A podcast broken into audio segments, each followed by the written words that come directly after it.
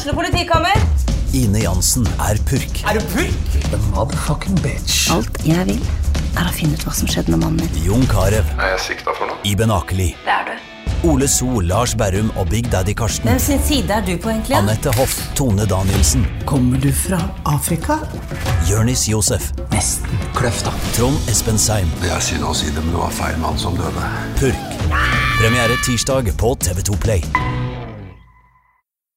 Hei, og velkommen til en ny episode av Debrif med Dag. Eh, god aften i stuen. Her er det, her er det relativt sent på kvelden. Eh, jeg vurderte faktisk å bare Ærlig talt drit i å gjøre podkasten eh, i kveld. Eh, forsvarer det med at det er høstferie.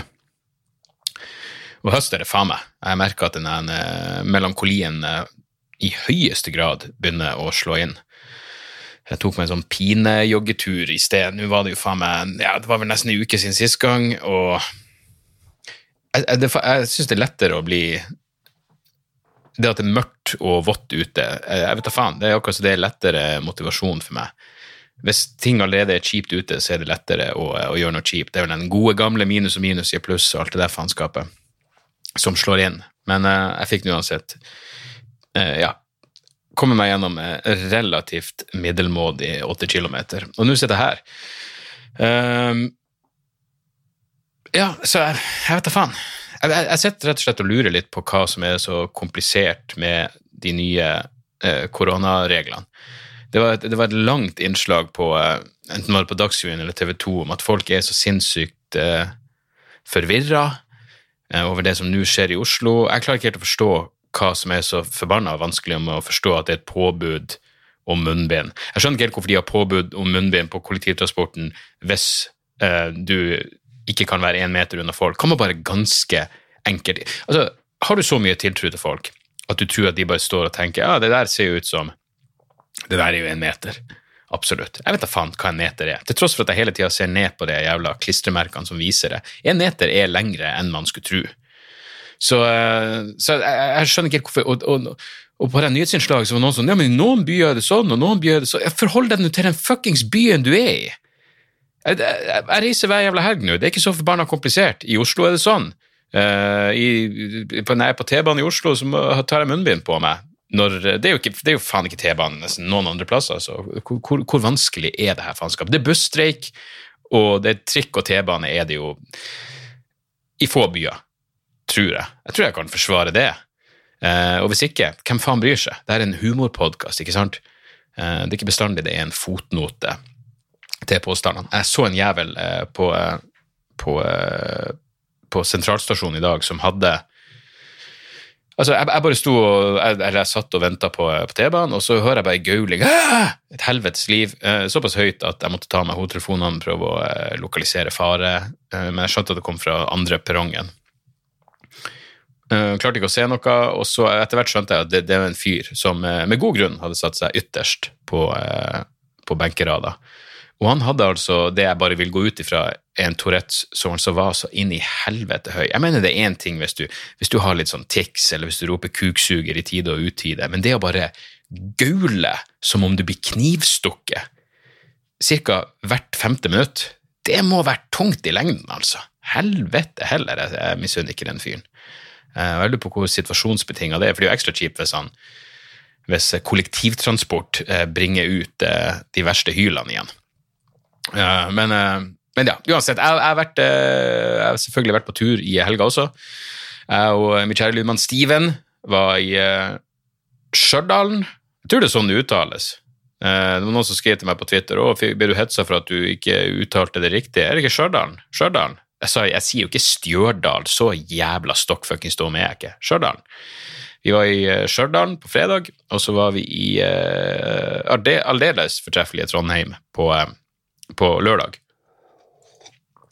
Og jeg hadde aldri hatt show i Stjørdal før, Uh, som jeg vel sa i starten av showet, så jeg trodde virkelig jeg hadde opptrådt i alle de mest deprimerende drittholdene i det her langstrakte landet. Men Stjørdal var en ny opplevelse for meg. Og eh, nydelig publikum, det var ikke det, men herregud for en deprimerende plass. Eh, det er jo rett i nærheten av, eh, av Værnes, så du alltid har ei, fluktrute inn, inn gåavstand. Men Nei, forferdelig. Altså, vi vandra rundt der, og så, så måtte jeg bare si til Steven hva i faen, altså. Det her, det her. Og Steven sa det regner i det minste ikke. Bare, det stemmer jo, men helvete, altså. Du, du har lagt lista lavt når oppholdsvær er det som avgjør om, eh, om denne boplassen er levelig eller ikke. Og så hadde vi jo en, eh, en, en små, morsom opplevelse. Det, det, det, det å trå rundt litt når man kommer til en plass før showet, er jo rett og slett bare for å få et eller annet ferskt å åpne showet med. En eller annen liten ting som skjer, en eller annen interaksjon med en person i lokalbefolkninga. Det var derfor jeg gikk på polet før showet. Det var ikke fordi Kimen, eller hvordan i faen det uttales, Kimen kulturhus, av en eller annen uforståelig grunn ikke klarte å skaffe alkoholen som står på rideren min, så måtte jeg gå på polet. Det er jo ikke derfor jeg går på polet, fordi jeg trenger alkoholen før showet. Nei, nei, nei, og under show, ikke minst under show og etter show. Herregud, nei, det er ikke derfor jeg går på polet. Det er for å få en interaksjon med lokalbefolkninga som gjør at jeg har noe, noe fresht å, eh, å starte min lille forestilling med. Eh, det som skjedde denne gangen, var at vi fant en sushiplass som heter Montaigne, eller et eller annet. Det var noe sånn småfancy som begynte på M. Uh, og vi fant den på Google Maps, og det sto at det var åpent, og jeg og Steven gikk dit, og der var det et bingolokale. Og det var det hele. Et bingolokale i det som uh, selv etter Stjørdal-standard var en deprimerende del av, av, byen. Så det kommer en, en, en stykk lokalbefolkning gående, og så sier vi Hei, sorry, du, vi leter etter den sushirestauranten, og da sier han Sabrura. Jeg bare, hva, faen, hva er det her for noe? Jeg regna med han måtte ha visst hvem jeg var, og så prøvde han å dra en vits, så han sa Sabrura. Og det er sånn, Sabrura, hva, hva mener du? Insinuerer du at det kvinnelige underliv er en sushirestaurant? Jeg vet da faen hva du tenker. Så jeg bare Hæ? Han bare Sabrura. Jeg bare, jeg hørte det første gang, for så vidt, så jeg burde kanskje vært litt mer spesifikk i min respondanse enn å bare si hæ. Men så peka han bare. Han peka rundt hjørnet der inne i det nye bygget. Så vi bare ok, faen for en merkelig faen. Men uh, det er vel Stjørdal-humor på sitt, uh, på, på sitt uh, beste skråstrek verste. Men vi fulgte nå retningen, retningsinstruksene fra herr representant for lokalbefolkninga, og fant sushirestauranten, som heter selvfølgelig Sabrura. Dette er en kjede som jeg ikke tror vi har i Oslo. Men uh, den var faktisk i Trondheim også. Så, uh, men der var det jo der var det sushibuffé, og det byr meg imot. Jeg er ikke en fuckings buffémann. Jeg hater buffé, og jeg tror det stammer fra uh, min fortid og tidvis en nåtid som en feit faen. Fordi jeg, jeg, liker ikke Jeg liker å få servert det jeg skal ha. Jeg liker å få en porsjon. Her, her er det du skal ha, spis det. Og i hvert fall når det kommer til fucking sushi. Du kan ikke slippe meg fri på en sushibuffé. Det vil aldri ta slutt. Jeg tror faktisk da er det en reell fare for at det blir eh, det siste jeg gjør. Eh, pluss at et eller annet med ja, Buffé, det, det, det, er noe ja, jeg, jeg, jeg, kan ikke se for meg at buffémat er lagd med noen form for kjærlighet. Det, altså det, er umulig å se for seg. Du kan ikke masseprodusere med kjærlighet. Det er jeg ganske jævla sikker på. Skal vi se, jeg bare pip litt i øret mitt. Så Jeg må Ja, whatever. Dårlig, dårlig ledning. Dårlig kontakt. Men ja. Men selvfølgelig, det her var jo eh, buffé, og da, da, er det jo, er det jo, populært. Så det var inn i helvete lang kø. Så uh, vi måtte finne oss en, en annen plass. Så um, jeg husker faen ikke hvor vi endte opp. Vi endte opp på en restaurant, spiste en burger, drakk uh, jeg drakk ingefærøl til maten. Det var en jævlig merkelig avgjørelse. Det var, det var Steven som gikk for det. Steven ikke bare gikk han for ingefærøl, han, han, han, lurte på om han kunne få chilibiter på sida. Og uh, Steven er ikke en vanskelig mann, men det syns jeg var Det var ikke en vanskelig forespørsel, selvfølgelig. Um, og, um, men igjen, det, det, det, er det lille ekstra som jeg aldri ville spurt om, så, så kudos til han for at han, ja, at han ba om det, om det lille ekstra. Så han hadde eh, chilibiter oppi eh, ingefærøla, det hadde ikke jeg, jeg bare drakk den. Og jeg tenkte med en gang ja, det her er godt, men det her er jo blandevann, for faen. Så etter måltidet så gikk jeg på butikken og kjøpte mer ingefærøl som blandevann til vodkaen, og det funka jo aldeles strålende. Um, så veldig hyggelig å være i Stjørdal. Uh, fint publikum, særlig på show nummer to. Da var de jo faen meg Jeg tror jeg åpna show nummer to med å si dere har jo allerede ved Idet jeg gikk på scenen, så hadde jo de utvist atskillig mer energi enn de på det første showet gjorde gjennom 90 minutter. Men det var nå eh, helt greit. Eh, selv om jeg hadde en liten sånn Jeg må innrømme, jeg hadde et øyeblikk der som føltes litt, eh, litt rart. Fordi i showet så har jeg en vits som jeg, ja, jeg vil egentlig si minst mulig, for jeg, jeg, lurer på om det er min favorittvits i showet. Men den handler i hvert fall om noen som er multihandikappa. Uh, så jeg, jeg, gjør den vitsen, og jeg tror det var, det var på andre showet. Og, så, og det gikk fint, fint, og alt det der, og den gikk nøyaktig sånn som den skulle. Og så hadde jeg bare lagt merke til ei uh, småsøt uh, ung flikka på, på rad én, uh, og så så jeg liksom bare i side... Liksom, la oss nå være ærlig. Jeg, jeg, bare, jeg registrerte henne i jeg, registrerte hun bare i sånn den perifere sidesynet mitt, så så jeg at det satt en en, en, ung mann med siden av, som jeg selvfølgelig bare regner med var, typen, eller, hvem faen, eller broren. Hvem faen bryr seg? Det, det her er helt irrelevant. Men lenge etter min multihandikappa vittighet så ser jeg jo at uh, den fyren som sitter med siden av henne, er i høyeste grad multihandikappa. Han er jo i en rullestol og ser jo faen ikke ut som han er i stand til å bevege så veldig mye. Faktisk er han i stand til å bevege så lite at han minner meg veldig om den personen jeg forteller om i vitsen. Uh, og jeg vet ikke hvorfor. Det gjorde, gjorde, at jeg bare ble satt ut Altså, det gjorde at jeg angra litt på at jeg ikke så på hans, eller på deres reaksjon når jeg gjorde den spesifikke vitsen. Så de kan umulig ha lagt merke til det, men plutselig så var de inni hodet mitt på en helt ny en helt ny måte, og det satte meg litt det satt meg litt ut. Det bestandig sånn at jeg spør Steven merker du at jeg blir satt ut. Han sånn, ja, men jeg tror, jeg tror ikke publikum merker det. Men han som må se meg kveld etter kveld, merker jo når det skjer noe, noe som er litt, litt, utenom det vanlige. Eh, men, men her er greia, jeg er så jævla glad for at For jeg vet ikke hvordan jeg ville reagert hvis, hvis jeg hadde sett Jeg tror ikke jeg ville dra dem inn i det. Og her, her, her er poenget mitt med hele greia.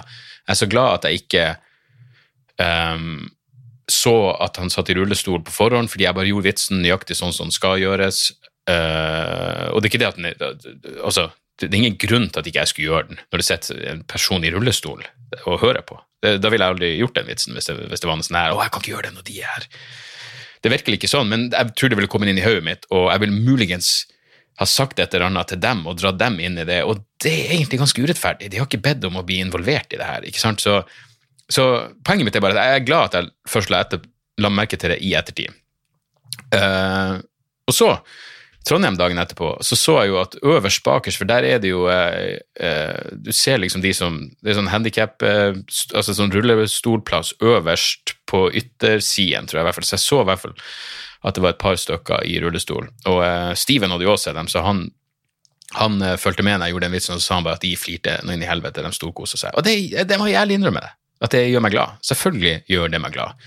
Um, så um, så ja. Men, men jeg, ja, jeg, jeg, bare tenker ikke det er helt det rette Og bare ikke snakke til folk som om de er folk, og ikke prøve å dra han inn i det, siden han tilfeldigvis uh, sitter i rullestol. Uh, og igjen, nå vet jeg jo ikke hvor stor grad han ville vært i stand til å svare uansett, og da kommer jeg tilbake til klassikeren av alle klassikere, som jeg garantert har nevnt før, som var fuckings Jan Tore da vi var i, i, eh, på Sortland på et sånt klubbshow i en nedlagt bensinstasjon. Fordi eh, det her livet er ikke bestandig glamorøst.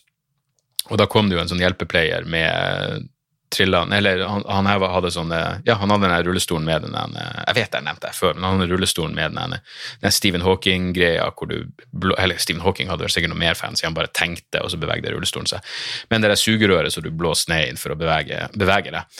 Og, eh, så hun introduserte oss, og han fyren var jo ikke i stand til å snakke, men, men uh, men hun fortalte liksom at han var stor fan, og jeg bare 'faen, så kult at du er her', og ditt og datt. Og Jan Tore heiv selvfølgelig inn klassikeren. 'Faen, du har jo bokstavelig talt et sugerør ned i statskassa'. Og vi lo alle sammen.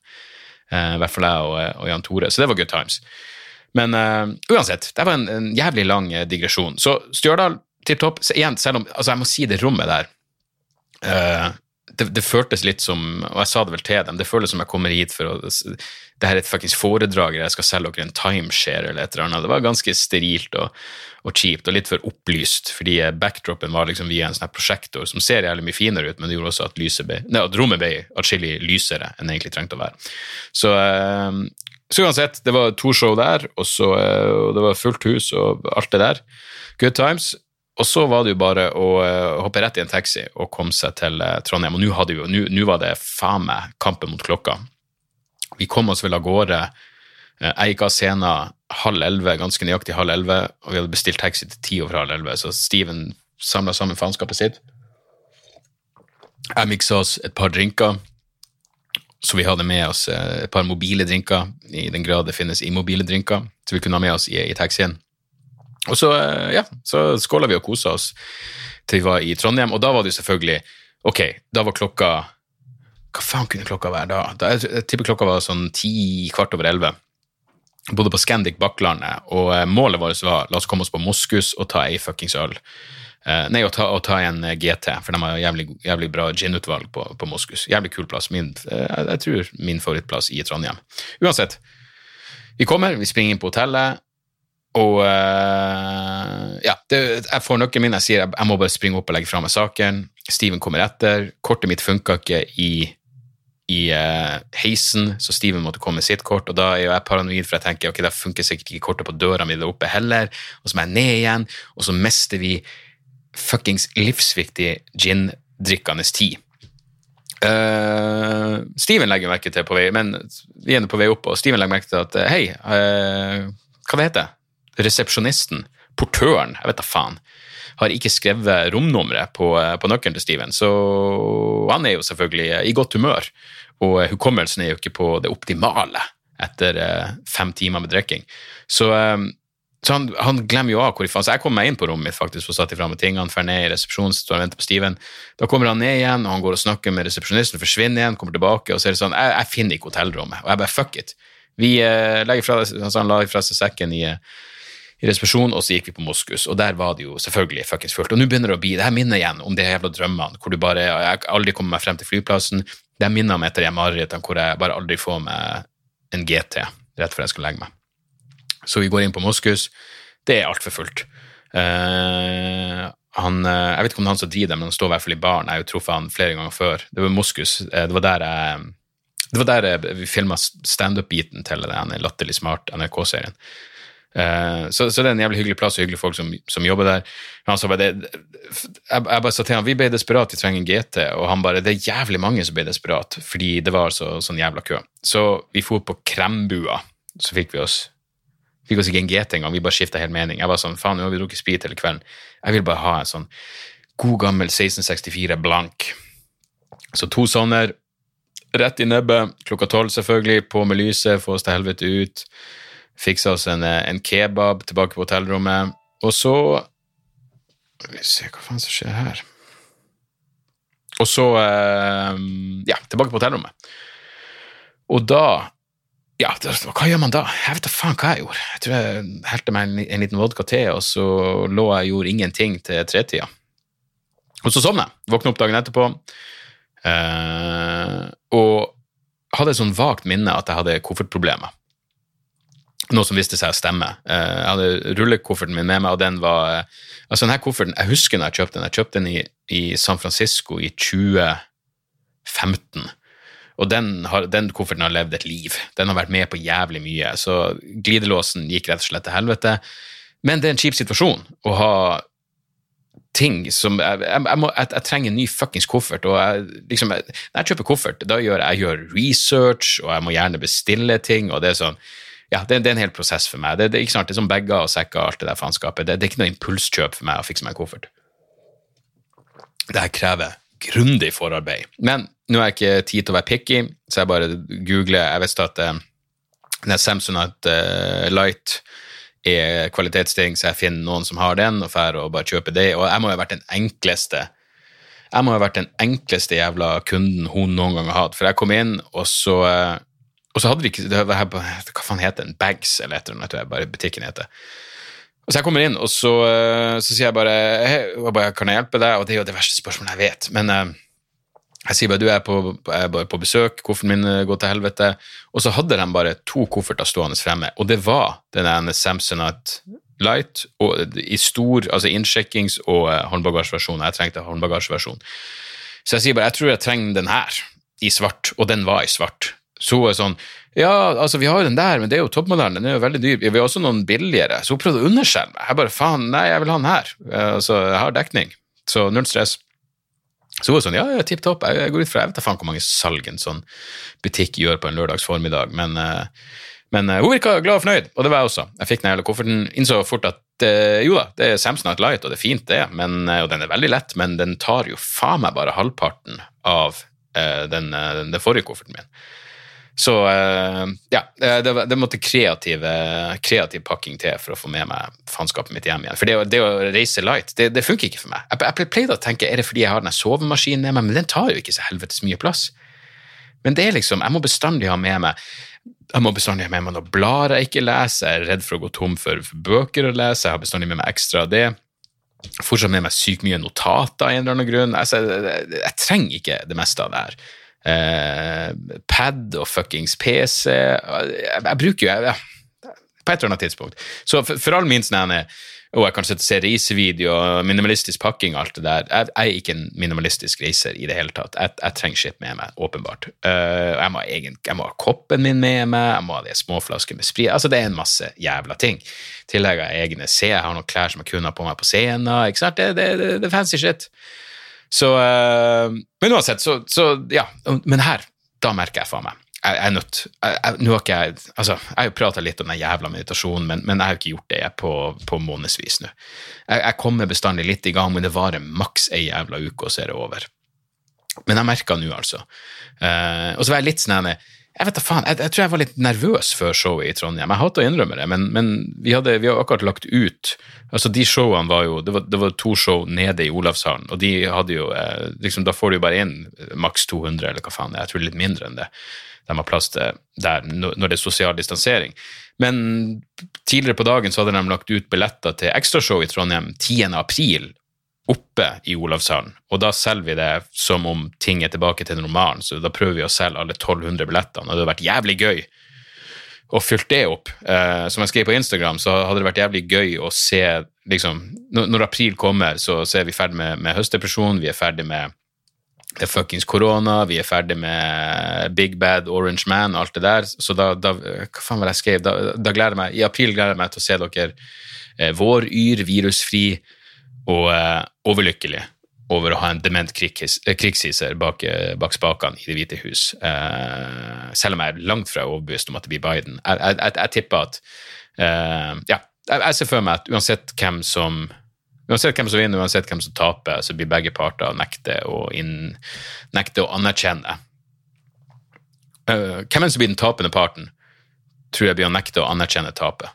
Uh, så um, faktisk den debatten i kveld, det er nesten så jeg har lyst til å holde meg våken og se den. Uh, bare Rett og slett fordi det virker som et sånn helvetes freakshow av dimensjoner. Og jeg er jævlig spent på å se hvordan, hvordan strategi Trump skal legge seg på, for det, det er virkelig noe annet. Jeg mener, jeg, ja, Det burde vært tydelig allerede. Jeg er ingen fan av Biden. Men på det her tidspunktet så, uh, så, så, så tror jeg, jeg, jeg Altså, her, jeg har ikke noe altså her, her det, det, I dette tilfellet, det handler om å bli kvitt slem oransje mann. Det gjør virkelig det. Uh, så, for, all, for, all, vitsing og kødding uh, Jeg hørte på Dan Carlin sin podkast Common Sense Eh, jeg fikk faktisk en Patron-melding om det her som jeg tenkte jeg burde svart på. Skal vi se, hva faen var det han fyren skrev? Den Carlin som har eh, podkasten Hardcore History, og også en podkast som heter Common Sense, hvor han bare eh, ranter fritt om ja, om hva enn som foregår i det store, det store bildet. ja, da skriver Erik Monsen, så du hadde bilde av Common Sense med Dan Carlin på Insta. Skummelt at han i forrige episode, eller den før der igjen, nærmest latterliggjorde de som frykta at landet var på vei mot en borgerkrig, til at han nå sier rett ut at forutsetningene er til stede. Hva tenker du? Tror du at landet våkner og finner sammen om reformer for å overta demokratiet, eller er det kjørt? Ja. Hei. Skal du legge deg? Jeg sier god natt til de skapningene som hører på. Ikke? Der var Sander kommet seg i seng. Uh, Dan Carlin Common Sense, skal vi se Ja, jeg leste vel opp den meldinga. Uh, vel, for det første Hva faen var det du skrev igjen? Jeg har allerede glemt det. Uh, skummelt at han i forrige episode nærmest latterliggjorde de som frykta at han var med borgerkrig. til han nå sier at Ja, ok, men her er greia. Den forrige episoden kom jo 1. april, så det har jo i høyeste grad skjedd ting siden da. Eh, han lagde vel forrige episoden før eh, Blir ikke det her før George Floyd òg? Var ikke det i, i mai? Så, eh, så ja, ja. Men, men igjen, folk har lov å skifte mening, og jeg vet ikke, jeg syns jo han legger frem en overbevisende sak for at det i hvert fall er grunn til å være bekymra. Altså, borgerkrig er jo et jævlig eh, ekstremt begrep, og jeg vil jo tro eh, altså det, USA er et land med hva faen er det, 320 millioner innbyggere. Jeg vil jo tro at det overveldende flertallet ikke eh, befinner seg på eh, noen av ekstremene, verken på ytterliggående høyre eller venstre side. Så borgerkrig blir kanskje å ta hardt i, men, men at det at det er vanskelig å se for seg noe jævlig At det er vanskelig å se for seg ro og fred Uh, uansett hva utfallet blir etter, uh, etter valget i november, uh, hvis det blir et valg i november, det er vanskelig for å se for seg. Og som, som George Carlin, George Carlin, Dan Carlin påpeker i den podkasten, vi er forbi ha-ha kødd når Trump sier at hvis jeg taper valget, så er det pga. juks.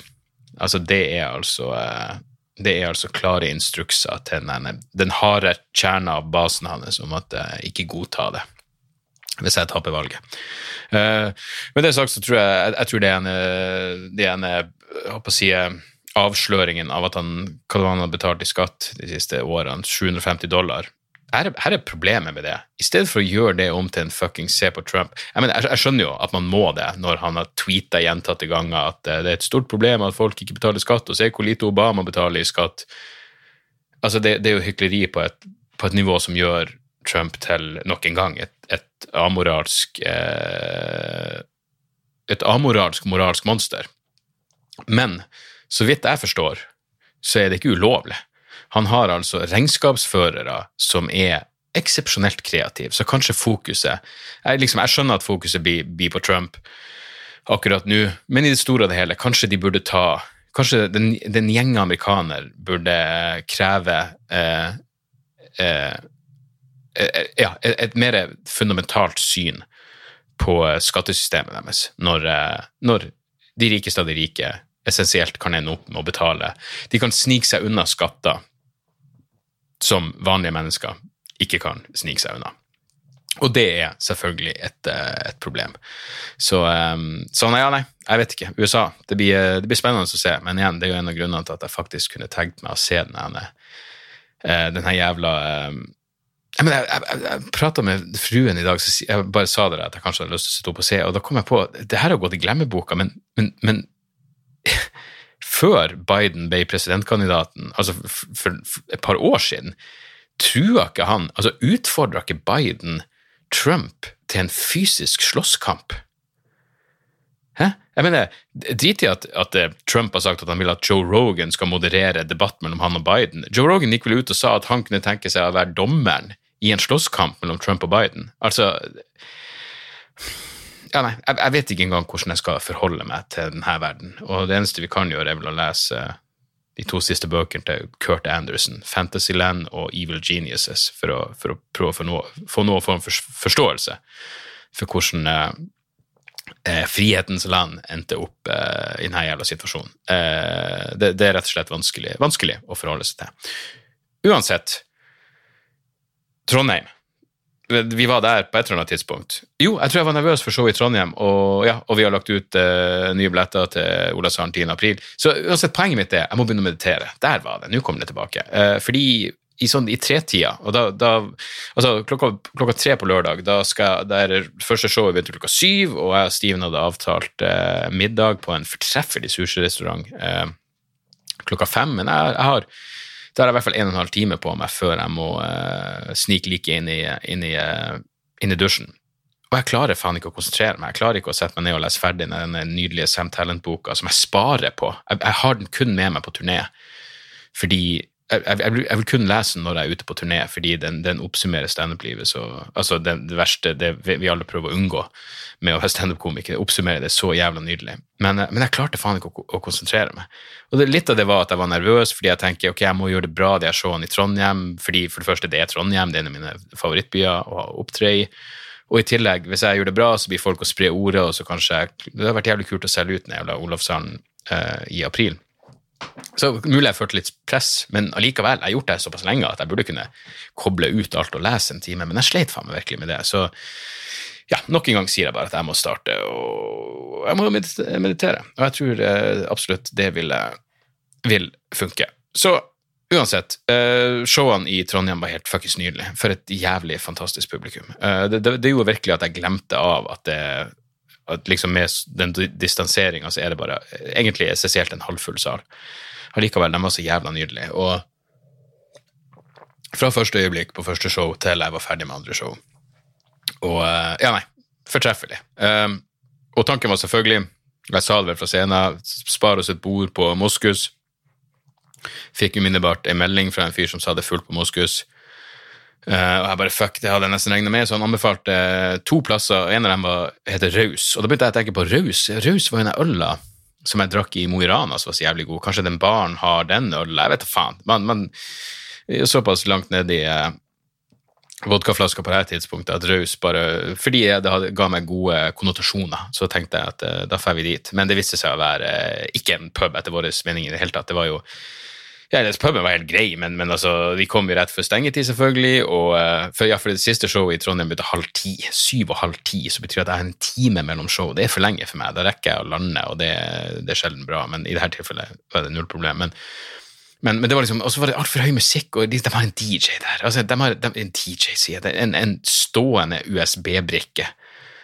Uh, som liksom står der og, og gjør seg til og spilte ræva musikk. og men vi fikk oss noe øl, og vi fikk oss en GT, og så var det den samme jævla kebaben, kebaben i neb nebbet. Og det er det som er med det her men Det er nesten som det å dra på turné i det her jeg, jeg merker først nå hvor jeg savner Ja, for det, det blir liksom det, og takk Gud for at jeg er Steven for hadde jeg dratt alene hadde det vært atskillig verre. Men det blir liksom, det blir nesten litt ensomt. Det blir liksom, ja, du, ja, jeg har folk rett foran meg når jeg står på scenen, men alt det der eh, pisspratet med tilfeldige folk etter showet og high five og alt det, alt det der forsvinner. Og jeg, først nå jeg innser hvor mye jeg egentlig savner det. Eh, For det blir, ja, det blir nesten litt edsomt. Det blir sånn ja, ok, du gjør showet, og så, så rekker du å presse en drink i nebbet, og så er det i seng. Så det, det, det er litt kjipt. Um, men, men herregud, atskillig, bedre enn å bare henge hjemme. Det her holder meg jo eh, eh, mer eller mindre mentalt frisk. Så, så det skal sies. Så i hvert fall, Trøndelag, strålende, storkosa oss. Eh, hadde også en sånn, ja jeg, var vel en feig faen. Eh, når vi skulle reise hjem fra Trondheim, så hadde jeg forhåndsbestilt en taxi med trøndertaxi. Så vi, eh, vi står utenfor hotellet, og så har jeg fått melding Jeg må jo legge inn jævla appen, så får jeg melding fra appen om at eh, taxi bla, bla, bla er på vei. Der står det jo også et nummer på taxien. Og så kommer det en trøndertaxi kjørende, og så vinker jeg på den, og så går vi inn, og så sier han hvor dere skal, jeg bare flyplassen. Og idet vi har kjørt et stykke, så ringer plutselig telefonen. Der er den taxien vi egentlig hadde bestilt, som sier 'hvor dere er?' Og jeg bare la på. Det han sier, 'du, det her er taxien, hvor dere er henne?' Og jeg la på. La på, sendte han melding og sa 'du, det her har skjedd en misforståelse, vi sitter i taxien'. Jeg, jeg fyller sjuk, jeg, jeg gidder ikke det. Fuckings krangling. Jeg gidder ikke. Gi meg til Sett meg på linja med sjåføren, alt det der. Jeg orker ikke det. Så jeg bare la på, sendte melding og sa 'beklager, det har skjedd en misforståelse, vi sitter allerede i taxien'. Da får jeg svar 'han har stjålet min tur, hva er nummeret hans'? Eh, og så ser jeg frem, ok, det er U155, eller hva faen taxien var. Og så tenker jeg bare, ok, jeg, jeg gikk virkelig, jeg, jeg prøvde å gå gjennom det her moralske mitt hode, så jeg sånn, ok, han har jo bestilt denne turen, kanskje han har regnet det her, fakturert det her inn, at eh, hei, jeg kan ta kjerringa ut på middag i kveld, fordi jeg fikk denne turen til, til Værnes, hva faen vet jeg? Um, så jeg begynte å tenke sånn, å, er det dårlig gjort? Gjorde vi noe galt? Altså, det kom jo en taxi, han spurte hvor vi skal til flyplassen, han burde jo skjønt at vi sto og ventet på en taxi, og han hadde ikke lyset på som insinuerer at han er, at han eh, er ledig, så jeg, jeg vet da faen. Så jeg gikk gjennom det i hodet mitt, så tenker jeg det rette å gjøre er jo faktisk at, å sette han som egentlig skulle kjørt oss i kontakt med denne sjåføren, og så får dem ordne opp i det. Det er jo det rette å gjøre. Ikke sant? Det er jo det. Men jeg gidder selvfølgelig ikke å gjøre det mens jeg sitter i taxien, så han skal ringe mens vi sitter i bilen, og skal jeg begynne å forholde meg til det når jeg skal betale, og dere kunne Jeg gidder ikke. Så jeg bare Jeg sendte nummeret umiddelbart idet vi hadde betalt og kommet oss ut av taxien. Eh, Så det var, det var muligens en konfliktsky Det var en konfliktsky måte. Det var ikke engang konfliktsky, jeg bare bakfull, jeg gidder ikke å forholde meg til det her, det er ikke mitt fuckings problem. Men jeg orker ikke å bli innblanda i det her på noe som helst måte. Så, um, så jeg ordna opp i det uh, når jeg var på trygg avstand. Og så, uh, ja, så det var det. Det var den helga. Og nå til helga så er det Leknes på fredag. To show. Det første er utsolgt, det andre nærmer seg utsolgt. Fuckings møte opp, folkens. Og så er det Kulturhuset i Svolvær på lørdag. Uh, der er det fortsatt billetter igjen, så uh, få nå den jævla uh, den jævla berømte fingeren deres ut, Svolvær, og så, så, håper jeg å se dere på, på lørdag. Helga etter er det Hamar, så alt det der. Alt det der er nå gjort. I dag så fikk jeg ei bok i, i posten, og så ja, så, så, jeg bare Sanne sier hva, hva du har bestilt. Jeg, bare, jeg er ikke helt sikker, så åpner jeg den, så jeg bare, så, så han på siden det er ei vitsebok. Så jeg bare ja, det er vel kanskje det. Så kom jeg på at det var noen jeg hadde prata med som skulle sende meg den boka. Og så, eh, og så sier bare Sander å, vitsebok, det er der du får vitsene dine ifra. Og så ble jeg sånn Ja, nei, det, ja, eller så jeg spilte den selvfølgelig med og sa ja, ja, ja, jeg kopierer alt derifra, jeg har ikke skrevet en eneste vits sjøl. Så kødda vi litt med det, så, men så sier jeg til han sånn Det er faktisk komikere som, som, får andre til å skrive vitser for seg. Det er komikere som har tekstforfattere som får andre til å skrive vitser for, for seg, og får dem til å hjelpe med vitsene. Og så han var sånn Hæ? Han, han trodde jeg kødda. Han bare hva, hva er det for noe? Så jeg, bare, jeg er helt enig. Jeg syns det er veldig rart at ikke alle bare vil gjøre sine egne ting. Jeg, liksom, jeg, jeg sier bestandig komikere har to jobber. Skriv tekster å fremføre de tekstene. Og hvis du ikke klarer å gjøre halvparten av den jobben, så ok, jeg vet ikke hva jeg skal si. Men, uh, men sånn blir virkelig overraska. Sånn, er det ikke kjedelig å stå og si ting som andre har skrevet? Jeg må si jeg er fuckings 100 enig.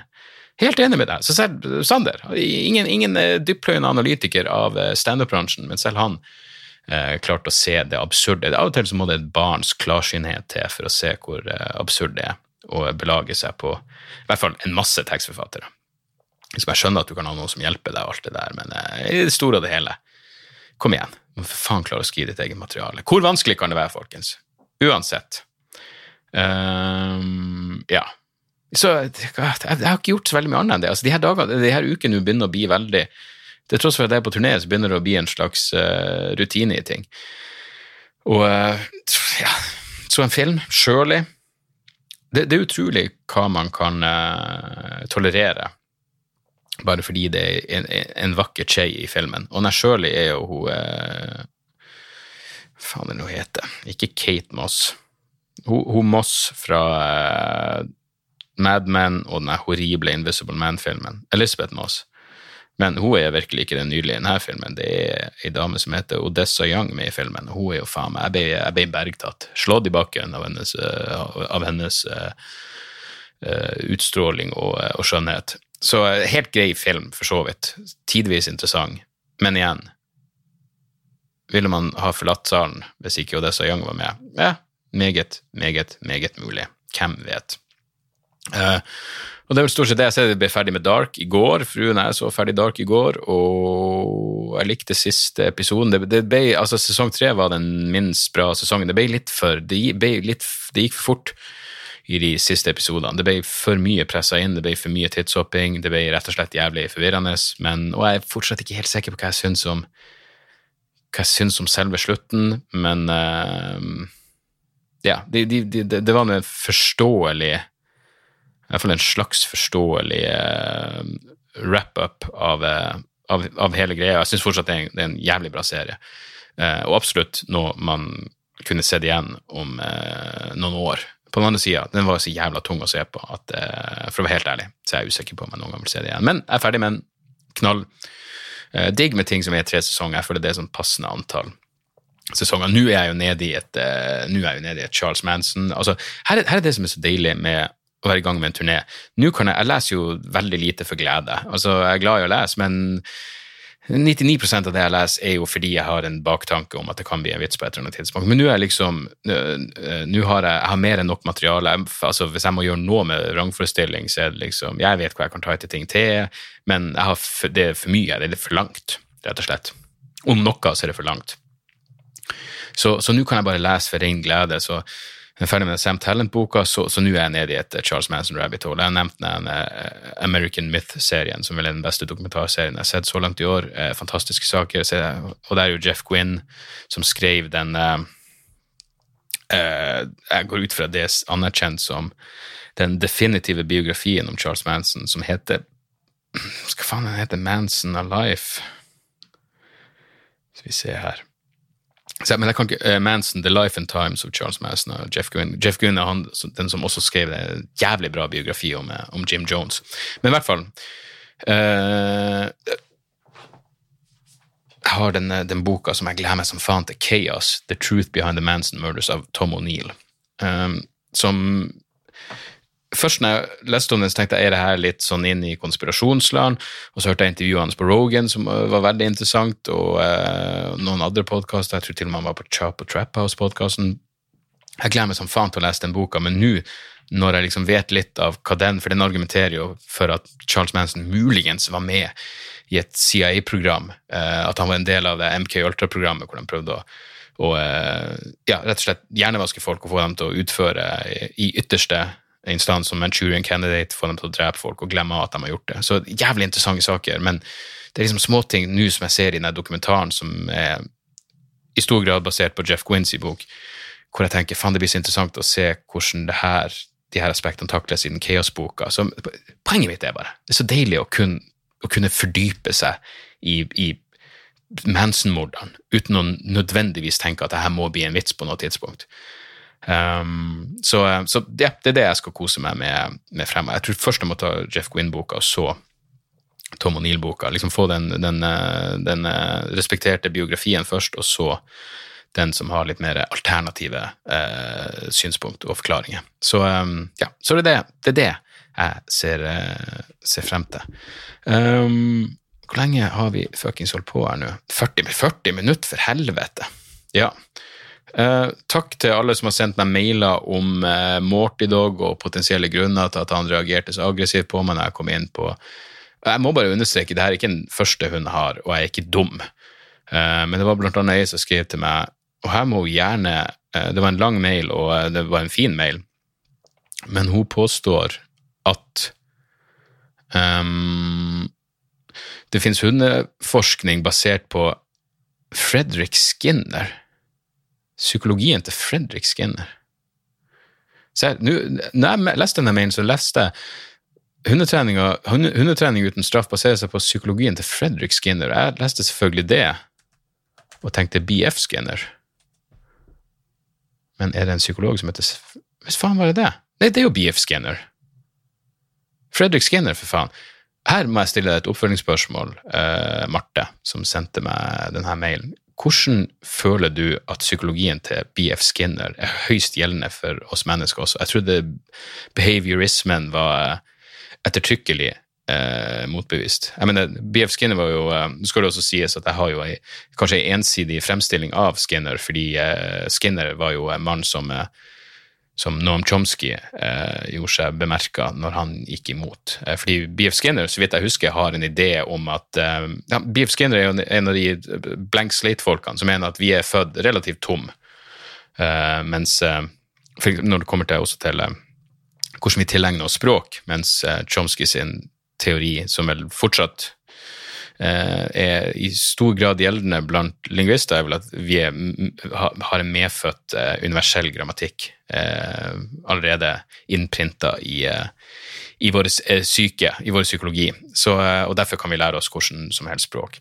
Så, så, hvis du har en oppfølging på, eller hvem som helst, forklar meg hvorfor BF Skinner sin psykologi fortsatt er relevant for oss mennesker den dag i dag, for jeg trodde den var ettertrykkelig diskreditert. Uh, ja. Tips? Jeg har ikke noe særlig med tips, folkens. Uh, jeg har ikke så mye Du, demokratishowet mitt er nå ute på, på, YouTube, og la meg understreke Jeg må bare takke nok en gang til alle som kjøpte som kjøpte det showet jeg først la det ut for salg på Vimeo. Dere har bevisst eh, deres bidrag har bevisst at det faktisk er økonomisk bærekraftig å filme en special, selv om man ikke får solgt det til klassiske TV-kanaler. Og det er jeg takknemlig og glad for, fordi det betyr at jeg også kan filme vrangforestilling når den tid kommer. Men kom nå for helvete ut og se det live før den tid. Eh, men demokrati, som sagt, det ligger ute på, på YouTube nå, og abonner gjerne i samme slengen på, mine, på min YouTube-kanal. Uh, og så har det jo skjedd store ting på uh, musikkfronten. Et av mine favorittband. Uh, uh, The Ocean har kommet med en ny skive. igjen, altså det er ikke ofte Fanerozoic Fanerozoic Fanerozoic 2 Mes Mesozoic Jeg går for det. Det her fuckings fantastiske tyske prog, sludge, post-metal-bandet. Eh, de ga jo ut uh, min favorittplate i, uh, i fjor. Og nå er oppfølgeren ute. Og den Altså, det tar, det tar en stund for meg å sette meg inn i uh, de her platene deres, for det, det, er mye å ta inn. Men det, jeg lurer på om ikke den her er i hvert fall like bra. Så hvis, hvis du er typen som, som liker tanken på uh, litt intrikat musikk, lange låter, så kan uh, så kan den nye skiva til The Ocean absolutt, absolutt anbefales. Så har også det britiske black metal-bandet The Infernal Sea kommet ut med en ny skive som jeg faen ikke Jeg kjøpte den på Bandcamp. Hva heter den for noe igjen? Den heter Necro Negotium Crucis. Altså, hvis du liker black metal som er litt rock'n'roll i tillegg eh, Ikke det at de høres ut som verken Satyricon eller Kvelertak for den saks skyld, men, men de har litt den rock'n'roll-viben i black metalen sin som gjør det ja, for meg bare gjør det atskillig mer catchy og gøy å høre på. Så uh, nye skiver til det Infernal Sea kan også, uh, kan også anbefales. Jeg, jeg, tror rett og slett det, det, var det vi hadde. Nå er det blitt uh, såpass seint at jeg må rekke en liten episode av The Boys. The Boys før, før, jeg tar kveld, men takk for at dere hører på. Og så sier jeg det bare nok en gang. Uh, ja, nå har du kommet inn, og uh, det er folk som vil vite om hva mer. Jeg, jeg, jeg leser mailene. Uh, neste episode lover jeg. Jeg skal ta for meg litt, litt mailer. mailadressen er debrifpodkast.gmail.com.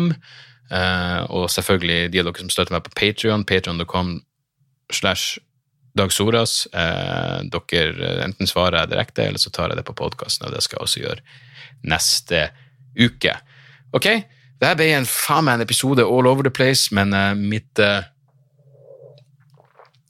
Mitt lille glass, eller lille Mitt glass med vondgraven Riesling er, er tomt. Så da, da, er det, det symboliserer vel enden på, på noen episoder. Takk for at dere hører på. Jeg er glad i dere. Jeg håper å se noen av dere i Leknes og Svolvær denne helga og Hamar helga etter, og resten av datoene finner dere på dagsoros.com. Ok? Vi, eh, vi høyrest. Tjo og ei. Moderne media. Da er det reklametid, og ukens annonsør er fiken. Hør her, jeg, jeg, jeg avskyr ordet regnskap. Ordet regnskap eh, gir meg assosiasjoner som er uhyggelige. Det får meg til å tenke på andre uhyggelige ord som ettersyn og underlivsundersøkelse. Men regnskap er et nødvendig onde, og fiken er et så enkelt regnskapsprogram at selv jeg kan klare å ha kontroll på finansene hvis jeg bruker det. Eh, du kan registrere kjøpene dine bare med å ta et bilde av kvitteringa med appen, og så kan du bare hive, hive kvitteringen. Hvor nydelig kan det bli? Og Fiken forholder seg også til regnskap med overkommelige ord. Det er ikke masse overkomplisert økonomisk terminologi. De kaller det kjøp og salg i stedet for hva enn de kaller det på BI. Og du kan, eh, du kan få fiken til å sende purringene dine, sånn at du slipper å gjøre det sjøl. Slipper du de der flaue øyeblikkene hvor du må skrive 'unnskyld meg, men det står noe utestående her, kan du fikse det fortest mulig', eller må jeg sende, sende mafiaen etter deg? Nei, fiken fikser det der, så kan du skylde på algoritmene. Du slipper dårlig stemning. Jeg syns det er utrolig greit å slippe å styre med sånne ting sjøl, og nå kan du prøve fiken gratis i 30 dager. Hva, hva har du å tape? Bokstavelig talt ingen verdens ting. Så gå inn på fiken.no og prøv fiken gratis i 30 dager. Ok? Det var det så vanskelig.